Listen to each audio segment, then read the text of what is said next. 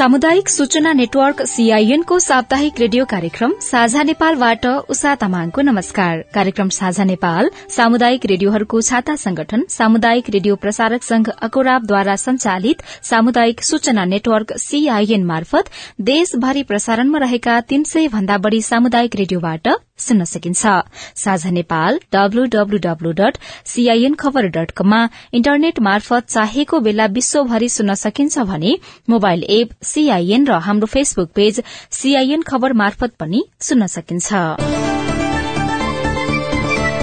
कार्यक्रम साझा नेपालको आजको अंकमा हामी नेपालमा काठ आयातको अवस्था र रोक्ने उपायका विषयमा छलफल गर्दैछौ।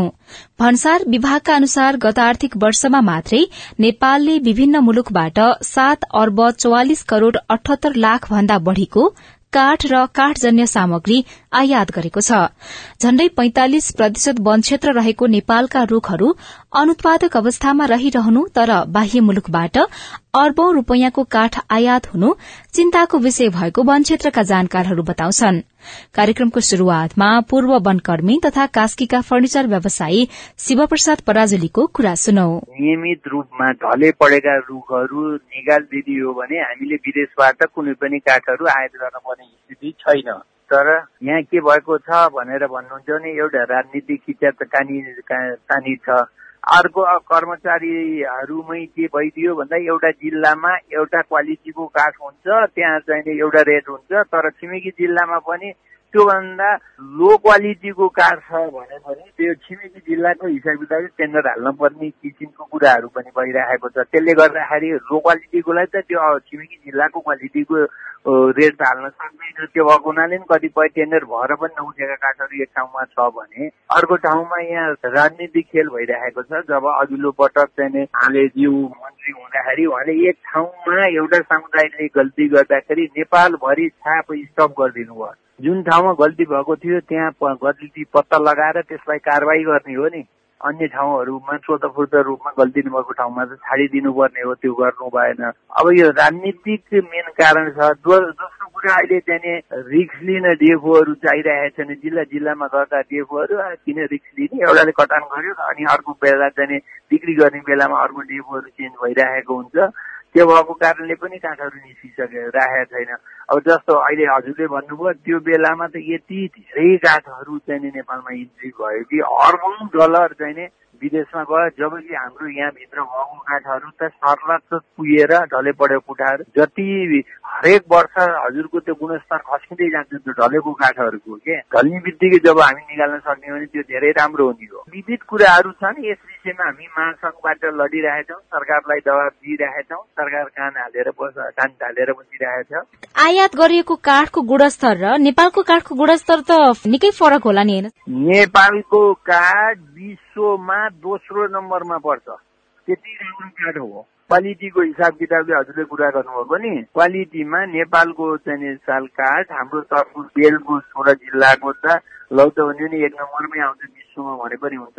एजे होलमा दोस्रो नम्बरमा पर्छ। भने यो काठलाई हामी त्यत्तिकै कुन दिइरहेछौँ हजुरहरू पनि त हिँड्दाखेरि दिनु होला बाटा बाटामा ढलेका काठ हुन्छ। नियमित रूपमा यी काठहरू उठाउने हो। भने र सही तरिकाले मूल्याङ्कन गरेर प्रदर्शन गराउने हो भने तिन हजार पैँतिस सय रुपियाँ यो नेपाली काठ उपलब्ध हुन्छ भने कसैले पनि विदेशी काठ पनि ल्याउँदैन स्टिल हाल्ने मेटलहरू पनि प्रयोग गर्दैनन्। त्यो क्षेत्रमा पनि थुप्रो धनराशि गएको छ अब यो काठमा पनि गएको छ। राष्ट्रमा अहिले आर्थिक सङ्कट जुन डलरको सङ्कट परिरहेको छ श्रीलङ्का जस्तो हुने लक्षण देखिसकेको छ। यसमा हाम्रो ब्युरोक्रेसीको र नेताहरूकै कारणले गर्दा यो स्थिति सिर्जना हुन गएको खास व्यवसायीहरूलाई चाहिँ विदेशबाट आयात गरेको काठबाट सामग्रीहरू बनाउनु पर्दाखेरि कस्तो खालको भार पर्छ थप छ थप? भार त यस्तो भयो हामीले अब किने अनुसार व्यापारीले अब त्यसमा एड गरेर दस पर्सेन्ट एड गरेर बिक्री गरिदियो। तर के भने हामीले पैसा लिएका छौँ नि हजुरसँग पैसा लियो तर नेपालको काठ दिएर त्यो मूल्य त्यहाँदेखि लिन पाएको हामी पनि सन्तुष्टि हुन्थ्यौँ क्या। कम गुणस्तरको काठहरू चाहिँ दिएर त्यही मूल्य लिनुपर्ने परिस्थिति सिर्जना भयो किन भनेर भन्दा त्यसरी नै खरिद भइरहेको छ। धेरै काठहरू मलेसियाबाट आयो अनि फोर्टी पर्सेन्ट जति भारतबाट आयो बङ्गलादेशबाट आयो भने सिक्सटी पर्सेन्ट त मलेसियाबाट आयो। जबकि त्यो यति कुकाठ हो त्यो हो यहाँ साल भनेर इन्ट्री भइरहेछ त्यहाँ गिल गरेर त्यसको भित्रको त्यो चुरोहरू निकाल्यो भने ल त भन्यो भने हाम्रो लोकल काठको जस्तो चाहिँ निस्किन्छ कि त्यो त साह्रै उयो के त भन्दाखेरि सिजनिङ प्लान गरेर आएको हुनाले झट्टै नमागिने भएर मात्र त्यस्तो देखिएको नत्र क्वालिटीमा त त्यो एकदम क्वालिटी बेस काठ हो। र पनि बनाउन परिरहेकै छ होइन? सरकारी बिल्डिङहरूमा सरकारले बुझ्ने भने यो कुराहरू हामीले सचिवहरू मन्त्रीज्यूहरूसँग प्रत्येक पटक वार्तामा जे बाबा नेपालबाट यसरी खेर गएको छ। क्वालिटी ठिक हो होइन भने प्रमाणित गर्ने चाहिँ वन मन्त्रालयले हो। अब वन मन्त्रालयले आफैले आफ्नै अफिसहरू बनाउँदाखेरि मलेसियन काठहरू प्रयोग गर्छ। यो के हो भनेर हामीले त्यहाँ क्वेसन मन्त्रीज्यूहरू सचिवज्यूहरूसित पनि क्वेसन राखेका थियौँ। आफ्नो व्यक्तिगत निर्णय लिडरहरूले गर्ने भएको कारणले देश खत्तम भयो। व्यवसायी शिवप्रसाद पराजुलीको कुरापछि अब नेपाल वन पैदावार उद्योग व्यवसाय महासंघका वरिष्ठ उपाध्यक्ष दिनेश राज रेग्मीतर्फ लागौं। नेपालको काठ खेर जाने र काष्ठ उद्योगका लागि विदेशी काठ ल्याउनुपर्ने बाध्यता अन्त्यका लागि वन व्यवस्थापनको नीतिलाई चुस्त बनाउनु पर्ने रेग्मी बताउनुहुन्छ। हाम्रो भनाइ के हो भने नेपालमा म्याक्सिमम काठ छ हाम्रो सालमा बाह्रदेखि तेह्र करोड़ क्युफिट काठ उत्पादन हुन सक्ने एउटा अध्ययनले देखाएको छ। खपत चाहिँ पाँचदेखि साढे पाँच करोड क्युफिट नेपालमा खपत छ। तर यत्रो काठको सम्भावना हुँदा हुँदै यो लडेर कुहिएर आगो लागेर गछ उत्पादन गरिँदैन। विदेशबाट डलर वा काठ ल्याइन्छ। भित्र दिइन्छ यहाँ उत्पादन नगरेपछि त स्वत मान्छेले त अरू विकल्पहरू त खोज्छ। त्यो खोज्ने क्रममा काठ चाहिँ बर्मादेखि इन्डियादेखि इन्डोनेसियादेखि मलेसियादेखि नेपालमा काठ आइरहेछ होइन? यो काठ आउनु हुँदैन। नेपालकै उत्पादन हामीले गर्नुपर्छ। नेपालमै पैसा रहनुपर्छ भन्ने हाम्रो हामीले हाम्रो महासङ्घको आजबाट होइन धेरै वर्ष अगाडिबाट माग हो। तर सरकारले अहिलेसम्म त्यसलाई अब हुन त डब्लुटिओमा गइसकेपछि कुनै देशको उत्पादनलाई बन्देज लगाउन त मिल्दैन हामीलाई पनि थाहा छ। तर पनि आफ्नो देशको उत्पादन बढाएर त्यताबाट आउने काठ भन्दा सस्तो बनाएर उपभोक्तामा जान सक्यो भने त त्यो त आफै आयत हुन त आफै रोकिन्छ नि भन्ने हाम्रो कुरा हो होइन? त्यसकारण हाम्रो उद्देश्य त्यही हो नेपालको आफ्नो भएको स्रोतलाई उपयोग गर्नुपर्छ उत्पादन गर्नुपर्छ र यहीँनै आफ्नो मुलुकबाट पैसा बाहिर जानु हुँदैन भन्ने हाम्रो महासङ्घको एकदम नित्यन्त धारणा हिजोदेखि त्यही रहेर आएको छ र आज पनि रहेको छ। अब विदेशी काठको विषयमा मैले त्यही बोले र अरू नेवालीको विषयमा अब हामी छलफलमा रहेका छौँ। नेपालकै काठ अथवा नेपालमा भएका रुखहरू काट्नको लागि चाहिँ खास रोकेको चाहिँ केले छ जस्तो लाग्छ तपाईँलाई? केही कुरा त हाम्रा नियमावली नियमावलीहरू यति स्पष्ट छैनन्। त्यो नियमावलीको कारणबाट पनि केही कुराहरू रोकिएका छन्। आजभन्दा आठ वर्ष अगाडि सात आठ वर्ष अगाडि वैज्ञानिक वन व्यवस्थापन भनेर सरकारले लागू गरे है? त्यो वैज्ञानिक वन व्यवस्थापन लागू गरिसकेपछि त्यसको उत्पादन पनि निस्केको थियो र त्यो बढ्ने कुराहरू जहाँ जहाँ वैज्ञानिक वन व्यवस्थापन लागू गरे त्यो ठाउँमा राम्रो हुँदै थियो। तर त्यो पठान सरपटर भयो भनेर फेरि गत दुई वर्ष अगाडि सरकारले त्यो कार्यविधि चाहिँ खारेज गरिदियो। अहिले दिगो वन व्यवस्थापन राष्ट्रिय मापदण्ड भनेर एउटा समिति बनाएको छ। त्यो समितिले अहिलेसम्म एक वर्ष हुँदा पनि त्यो प्रतिवेदन दिन सकिएको छैन। बल्ल मन्त्रालयमा बुझाएको छ भन्ने कुरा आएको छ। अब त्यसमा हाम्रो पनि सहभागिता थियो र हाम्रो तर्फबाट पनि धेरै कुराहरू निजी क्षेत्रबाट त्यहाँ राखेका छौँ। र यही नीति नै नहुनको कारण नियमावली राम्रो नहुनको कारण नियमावली दुई हजार छिहत्तरमा वन बन्यो। छिहत्तरदेखि सतहत्तर अठहत्तर उनासी। अहिले भयो नियमावली आयो यति वर्षमा। यो नियमावली नहुनको कारणले राष्ट्रिय नीति वन नीतिहरू नहुनको कारणले गर्दाखेरि एकातिर रोकिएको छ भने अर्कोतर्फ के छ भने हाम्रा काठहरू बुढा छन् तिनी ढलेका छन् जङ्गलमा हुरी बतास आउँदाखेरि लडेको छ पहिराले पल्टाएर ल्याएर जस्तो बनाएको छ। अब तपाईँको हिउँमा आगो लाएर नष्ट भएछ। तर सरकारले के गर्छ भने त्यसलाई उत्पादन गर्नतिर कडा निर्देशन जिल्लाहरूलाई दिँदैन। डिएफओले त्यसमा उत्पादनतिर लाग्नको लागि हामीले कति जोड गर्छौँ तर पनि उहाँहरूको तर्फबाट त्यो नहुनको कारणबाट अघि नै भने नि हामीलाई हाम्रो देशबाट वार्षिक तेह्र करोड उत्पादन हुन्छ क्युफिटमा साढे पाँच करोड खपत हुन्छ भने अरू हामीले निर्यात गर्न सक्ने अवस्था रहेको छ। तर त्यो उत्पादन नै नगरेको कारणले यो अहिलेको यो अवस्था र काठ आयात गर्नुपर्ने परिस्थिति आएको हो। त्यसलाई हामीले सुधारको लागि विभिन्न ठाउँमा माग राख्ने सरकारसँग जाने छलफल गर्ने टेबल टक गर्ने कार्यहरू गर्दा पनि अहिलेसम्म हुन सकेको छैन। अबको आएको नियमावलीले केही गर्न सक्छ कि भन्ने छ तर पनि धेरै समस्याहरूलाई उजागर गरिदिएको छ। त्यसले गर्दा कतिसम्म सक्षम हुन्छ यो हुन्छ हुँदैन भन्ने कुरा अहिले नै भन्न सकिन्न। हाम्रो तर्फबाट हाम्रो भनाइ मात्र सरकारले यदि कार्यान्वयन गर्ने हो भने नेपालमा यो समस्या आउँदैन। काठ एकदम सस्तोमा पाइने अवस्था आउँछ महँगो पर्दैन विदेशबाट आयात गर्नु पर्दैन। त्यो परिस्थिति आउँछ भोलिका दिनमा। तपाईँहरूको आधिकारिक धारणा भनेको चाहिँ नेपालमै भएका रुखहरू काटौं अनि नेपालको उत्पादन पनि धानौ सँगसँगै निर्यात पनि गरौं भन्ने हो। गरौं। तर काटौं भन्नाले त्यो नचाहिँदो गरेर काट्ने भने होइन नि फेरि। जुन ढलापडा छन् तिनलाई निकाल्ने जुन सुक्खर खडा छन् तिनलाई निकाल्ने अस्सी वर्षको रुख भइसक्यो ढोज बन्दै गयो त अब त्यो बढ्ने अवस्थामा पनि छैन बिग्रँदै गएको अवस्था छ भने त्यस्ता रुखलाई पनि निकालौं। साना रुखहरूलाई हुर्काउँदै जाउँ र त्यसको संरक्षण गरौँ वृक्षारोपण गर्दै जाउँ एकातिर अर्कोतिर संरक्षण गरौँ। तिनी बुढा खाडा ढले परेका बाङ्गा टिङ्गा निकालेर यो हाम्रो आपूर्ति व्यवस्थालाई सहज गराउँ र विदेशबाट आयात नगरौँ। हाम्रै देशको काठले पुग्छ निर्यात गर्न सक्ने हामीसँग क्षमता छ। नरम जातिका काठहरू हाम्रो निजी आबादी नम्बरीहरूमा प्रशस्त छन्। तिनलाई सिजनिङ ट्रिटमेन्ट प्लान्ट राखेर हामीले युज गर्न सकिन्छ। र त्यो काठलाई निर्यात पनि गर्न सकिन्छ भन्ने हाम्रो सुझाव बारम्बार सरकारलाई जान्छ तर त्यो सुझाव कार्यान्वयन हुन सकेको छैन त्यतापट्टि वास्ता छैन। खालि आयात गर्ने अनि देशको डलर पठाउने अहिले यहाँहरूलाई पनि थाहा होला अहिलेको देशको स्थिति आर्थिकमा कस्तो सङ्कट परिसकेको अवस्था छ। ब्याङ्कहरूले लगानी लगानी गर्न सक्ने अवस्था छैन। बाहिरबाट आयात गर्दाखेरि सम्पूर्ण पैसा बाहिरतिर गइसके। आफ्नो देशको उत्पादनलाई प्रोत्साहन दिनु छैन। उत्पादनलाई बढाउनेतिर सरकारको त्यति ध्यान नजाने। त्यसले गर्दा यो समस्या आएको हो। यदि सरकारले ती हाम्रा कुराहरूलाई हामीले दिएका सुझावहरूलाई हामीले बेला बेलामा कार्यक्रममा प्रस्तुत गरेका कुराहरूलाई यदि लिएर अगाडि बढ्छ भने भोलिको दिनमा नेपालमा काठको समस्या आउने छैन। हामी निर्यात गर्न सक्छौँ। हाम्रो महासङ्घको मेन उद्देश्य यो रहेछ। यही अनुसार आज हामीले भेला पनि सम्पन्न गरेका छौँ। यही अनुसार हामी सरकारलाई सुझाव दिन्छौँ।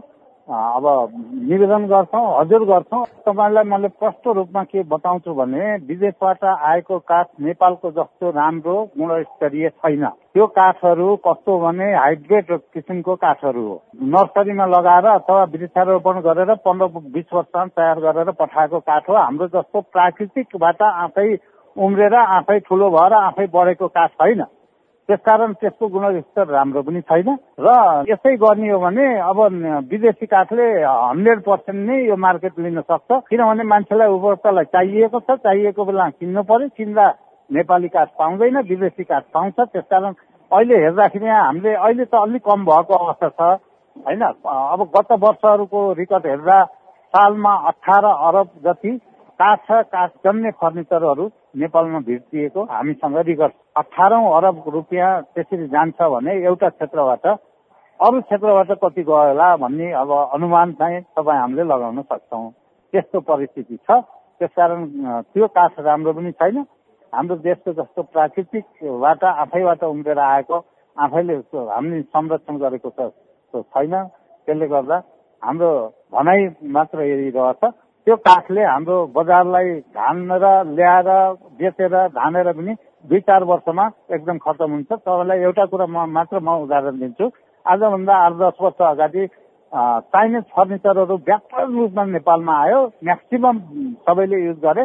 तर छ आठ महिनामा यसरी टेबल उचालेर अर्को ठाउँमा लाँदाखेरि त्यो भाँचिएर गयो। किनभने त्यो अब भुजको कम्प्याक्ट गरेर बनाएको थियो। त्यसकारण आजकल विदेशी फर्निचर त्यति रुचाउन नेपाली उपभोक्ताले छोडे।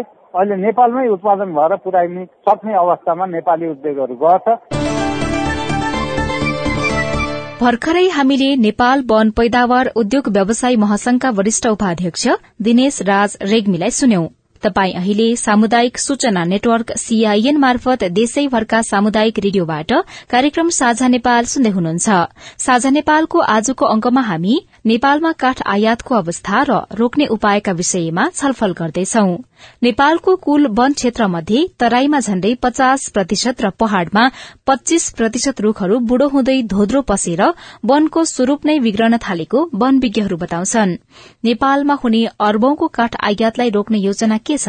हामीले वन तथा भू संरक्षण विभागका सूचना अधिकारी शबनम पाठकलाई सोधेका छौं। वैज्ञानिक वनको कार्यविधि जुन खारिज भयो त्योबाट वैज्ञानिक वनको कार्यविधि अनुसार काठ निकाल्न नपाउने भनेर जुन क्याबिनेट डिसिजन भएर खारिज भयो नि त्यो दिनदेखिबाट चाहिँ त्यहाँबाट जंगलबाट काठ निकाल्न पाएको अवस्था छैन। त्यस कारणले धेरै जसो यो तराईको वनहरूमा अहिले साइन्टिफिक फरेस्ट म्यानेजमेन्टै लागू भएको अवस्था थियो।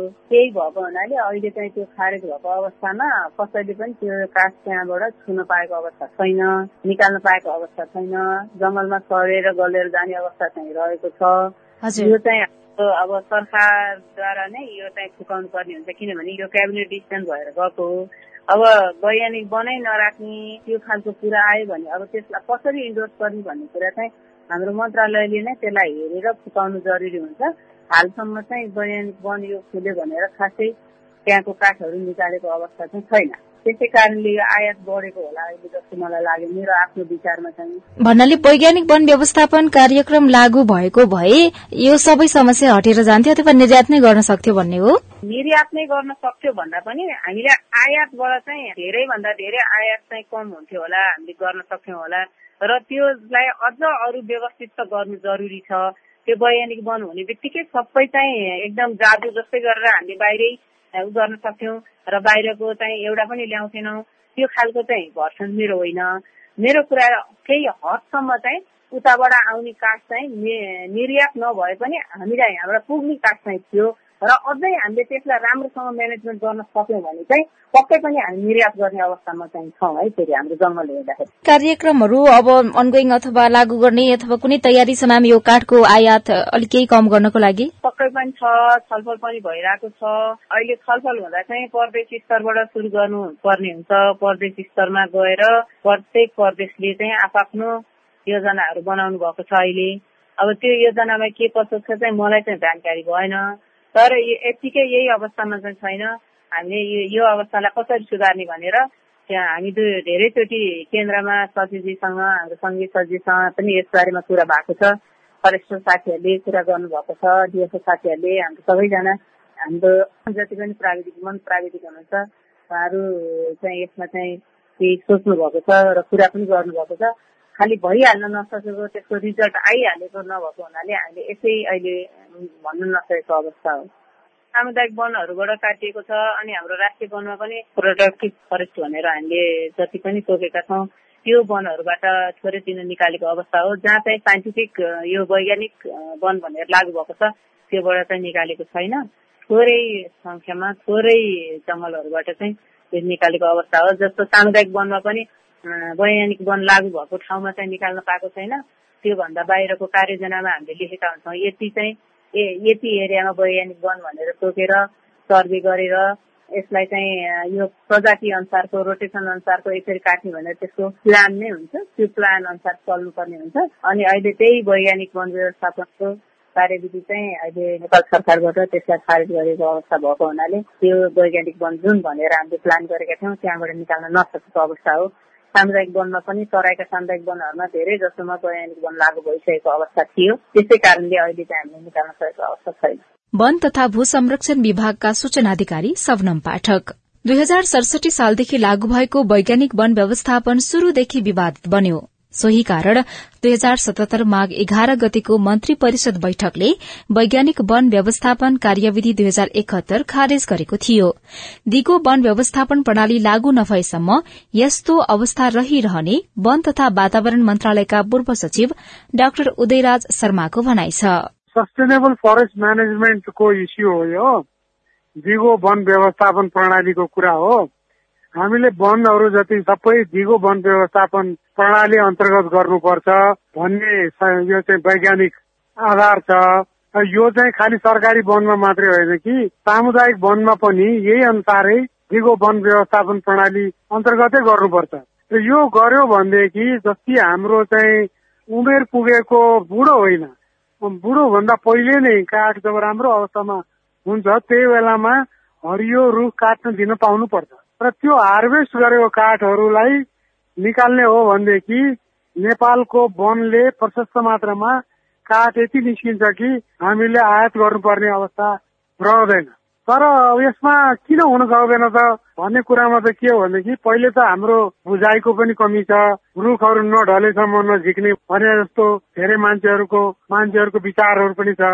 तर त्यस्तो होइन अब मकै नै लाउनु भयो भने पनि मकै ढलेपछि त मकै टिप्ने त होइन होला नि।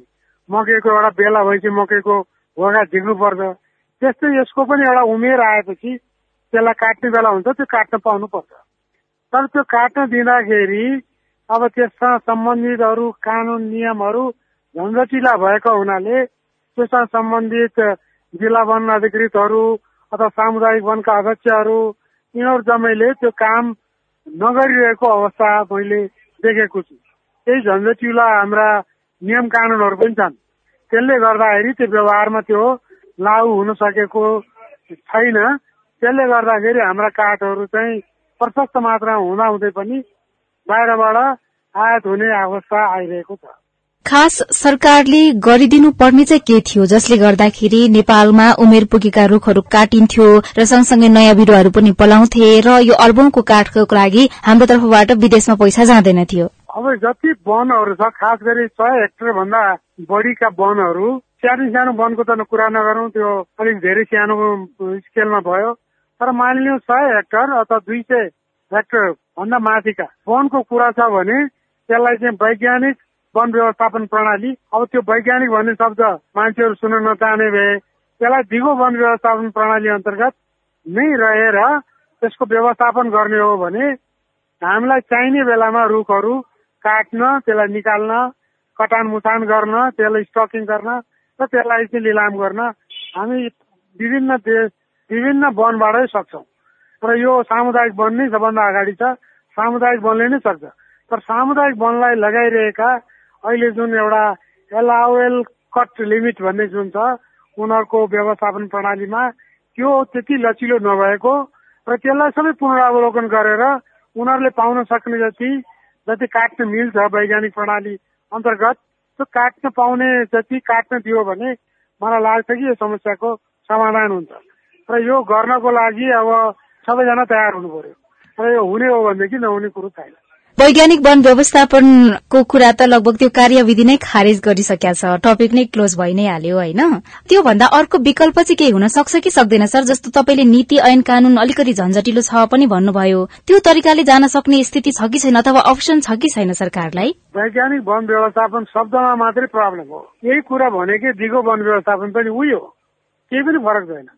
दिगो वन व्यवस्थापनमा पनि तपाईँले उमेर पुगेको पुग्नु लागेको काट्न हार्भेस्टेबल एजमा पुगेको रुख काट्न पाउने कुरा हो। कुनै वनमा चाहिँ कुन उमेर पुगेको रुखहरू काट्ने भन्ने कुरो त्यो प्रत्येक वनको चाहिँ रुखको त्यसको चाहिँ वर्गीकरण गरेर यो रुख काट्न पाइन्छ यो रुख काट्न पाइँदैन भनेर राम्रोसँग वनका साथीहरूले सामुदायिक वनसँग बसेर त्यसलाई छुट्याउने हो भनेदेखि नहुन सक्ने कुरो केही छैन। तर त्यो त्यो वैज्ञानिक वनमा शब्दमा अल्मलिनु पर्दैन। दिगो वन व्यवस्थापन प्रणाली अन्तर्गतै त्यो सबै कामहरू हुन सक्छ हाम्रो नियम कानुनमा केही समस्या लागू गर्नमा समस्या नियम कानुनका समस्या भन्दा पनि कानुन नियमहरू सबै छन्। त्यसको पोलिसी पनि त्यही नै अनुसारको छ। तर यो लागू गर्ने जुन ठाउँ छ नि त्यो ठाउँमा यो कुराको बुझान कम छ। हाम्रो ठुल्ठुला नीति निर्माणहरू पढ्दै नपढे मान्छेले गरिदिने माथि मन्त्रीलाई देउता जस्तो मान्ने मन्त्रीले भनेपछि त्यो कुरो ठिक हो भनेर त्योभन्दा मुनिकाले पनि त्यही सम्झिने। आफ्नो वैज्ञानिक कुराहरू आफ्नो साइन्टिफिक कुराहरूको आधारमा को वनको व्यवस्थापन गर्नु पर्यो त? यो चाहिँ माथिकाको भनाइको भरमा गर्न थाल्यो भने त्यो केही पनि हुँदैन। आफ्नो भएको अहिलेको वन ऐन वन नियावलीलाई अक्षर पालन गर्नुहोस्। मेरो विचारमा समस्या समाधान हुन्छ एक अनि दोस्रो चाहिँ के भने विदेशबाट आउने काठको निर्यातलाई रोक लगाउनु। किनभनेदेखि यो पनि गलत ठाउँबाट आइरहेको छ काठहरू। त्यहाँको पनि जङ्गल विनाश भएरै आइरहेको छ। यो काठहरू प्रवेश गर्न दिनु हुँदैन। यो काठहरूको पनि प्रवेश रोक्नुपर्छ। अनि बल्ल नेपालको काठबाट नै यो कामको समाप्त हुन सक्छ जस्तो मलाई लाग्छ। अहिले चाहिँ जंगलमा जति नै बुढो भए पनि रुख चाहिँ नकाट्ने जस्ताको तस्तै राखिरहने अनि चाहिने काठ जति सबै विदेशबाट ल्याउने यही चलिरहेछ होइन? त्यो त ठिक भएन। सरकारले ल्याउ त भनेको छैन वन मन्त्रालयले विदेशबाट काठ ल्याउ त भनेको छैन। यो त भन्सार भने अर्कै मन्त्रालय पर्यो। अर्थ मन्त्रालय अन्तर्गतको विभाग पर्यो। उसले खुरुखुरु आउन दिइरहेछ। त्यो थोरै वन मन्त्रालयले ल्याउनु देऊ भनेको छ र त्यहाँ। त्यो रोक्नु पर्यो। जस्तै हाम्रो ढुङ्गा गिटी बाहिर जानु दिनु हुँदैन भन्छौँ हामी। त्यस्तै अरू देशको जङ्गल बिगाएर लिएर आएको काठहरू हाम्रो देशले पनि त लिनु भएन नि। त्यो पनि त हाम्रो एउटा जिम्मेवारी हो नि। किन त्यो काठ राम्रो जङ्गलबाट काटेर राम्रो तरिकाले पुरा सस्टेनेबल डेभलपमेन्ट सस्टेनेबल फरेस्ट म्यानेजमेन्टको आधारमा नकाटेको काठ हो भने नेपालभित्र छिर्न पनि दिनु भएन। त्यस्तो गर्नुपर्छ कि भन्ने एउटा मेरो सोचो सोचाइ वन तथा वातावरण मन्त्रालयका पूर्व सचिव डाक्टर उदयराज शर्माको विचार हामीले भर्खरै सुन्यौं। वन विज्ञका अनुसार बुढा रूखहरू हटाउँदा नयाँ बिरूवाले राम्रोसँग बढ़ने मौका पाउने र कार्बन संचित पनि बढ़ी हुन्छ। नेपालको वन व्यवस्थापन गर्न वन तथा वातावरण मन्त्री प्रदीप यादवको योजना के छ? सकिन्छ आयात रोक्नु पर्छ र हाम्रो जुन काठ छ यही हाम्रो स्वदेशी काठले नै बजारमा ल्याउनु पर्छ। भन्ने मैले सोच बनाएको छु। सोच बनाए अनुसार मैले मन्त्रालयमा आफ्ना विभागीय प्रमुखसित म सरसल्लाह गरिरहेको छु। चाँडै यस निर्णयमा हामी पुग्छौँ। वैज्ञानिक वन व्यवस्थापन प्रणालीले यसलाई एकदमै समाधान गर्छ भनेर ल्याइएको पनि थियो तर त्यसलाई खारेज नै भइसकेको अवस्था छ। यस्तो अवस्थामा तपाईँले अलिकति अब वैज्ञानिक वन व्यवस्थापन समिति त्यो बेला जुन तरिकाले जुन खाट खटान गरियो नि त्यो तरिका ठिक थिएन। सडपट कटान गर्ने त्यो तरिका ठिक थिएन। तरिका के हो भने उमेर पुगेका झलापडा सुक्खापडा धेरै रुखहरू छ नि त्यो कटान गर्ने नि। सडपट कटानले जमिनको प्लटिङ गरे जस्तो कटान गर्ने यो त ठिक होइन। त्यसैले त्यो बेला खारिज भयो। त्यो खारिज गर्नेमा मेरो पनि सहमति थियो वैज्ञानिक वनको जाँचबुझ उपसमितिको संयोजक मै आफै थिएँ। त्यस कारण त्यो मैले सिफारिस पनि गरेको थिएँ। तर त्यसले अलग तरिकाबाट हामीले वैकल्पिक तरिकाबाट जङ्गललाई क्षति नहुने गरी जुन निकाल्ने रुख छ त्यो निकाल्ने त्यही ठुलो ठुलो मात्रामा छ नि त। जुन सुक्खापडा छ खडापडा छ झालापडा छ उमेर पुगेका छ त्यही ठुलो मात्रामा छ त्यो निकाल्न सकिन्छ नि। त्यसको लागि हामी विभागीय प्रमुख सल्लाह सरसल्लाह गरिरहेका छौँ। अलिकति यो डेफोको पनि समस्या छ। एनले भन्छ डेफो सङ्घमा होइन? तर प्रदेशमा खटाइएको छ। संहिताको कुरा पनि छ। सारा कुरा सम्झेर हामीले यसको बाटो के राम्रो हुन्छ कुन उचित बाटो हुन्छ कि हाम्रो चाहिँ जुन स्वदेशी कार्ड छ त्यसलाई बजारमा ल्याउँ अर्थतन्त्र हाम्रो राम्रो बनाऊ होइन? अब हामी जुन नष्ट भएर गइरहेको छ काठ त्यसले बजारमा बेचौँ त्यसको चाहिँ उपायहरू हामी खोजिरहेका छौँ। उहाँ हुनुहुन्थ्यो वन तथा वातावरण मन्त्री प्रदीप यादव। नेपालमा हुने काठ आयातलाई रोक्ने योजनाबारे जानकारी गराउनुहुँदै वन तथा वातावरण मन्त्रालयका अनुसार गत आर्थिक वर्ष दुई हजार अठहत्तर उनासीमा साढे दुई करोड़ क्यूबिक फीट काठ उत्पादन भएको छ जसमा वन क्षेत्रबाट करिब बीस लाख क्यूबिक फीट र बाँकी काठ निजी जग्गाबाट उत्पादन भएका हुन्। अब भने हामी कार्यक्रम साझा नेपालको अन्त्यमा आइपुगेका छौं। साझा नेपाल तपाईंलाई कस्तो लाग्यो? हाम्रो टेलिफोन नम्बर शून्य एक बान्न साठी छ चार छमा फोन गरेर आफ्नो जिज्ञासा सल्लाह सुझाव तथा प्रतिक्रिया रेकर्ड गर्न सक्नुहुन्छ। हवस् त। आउँदो साता आजकै समयमा फेरि रेडियो कार्यक्रम साझा नेपाल लिएर उपस्थित हुनेछौ। त्यतिन्जेलसम्मका लागि प्राविधिक साथी सुभाष पन्तलाई धन्यवाद दिँदै उषा तामाङ विदा हुन्छु। आउँदो साताको साझा नेपालमा फेरि भेटौंला। नमस्कार।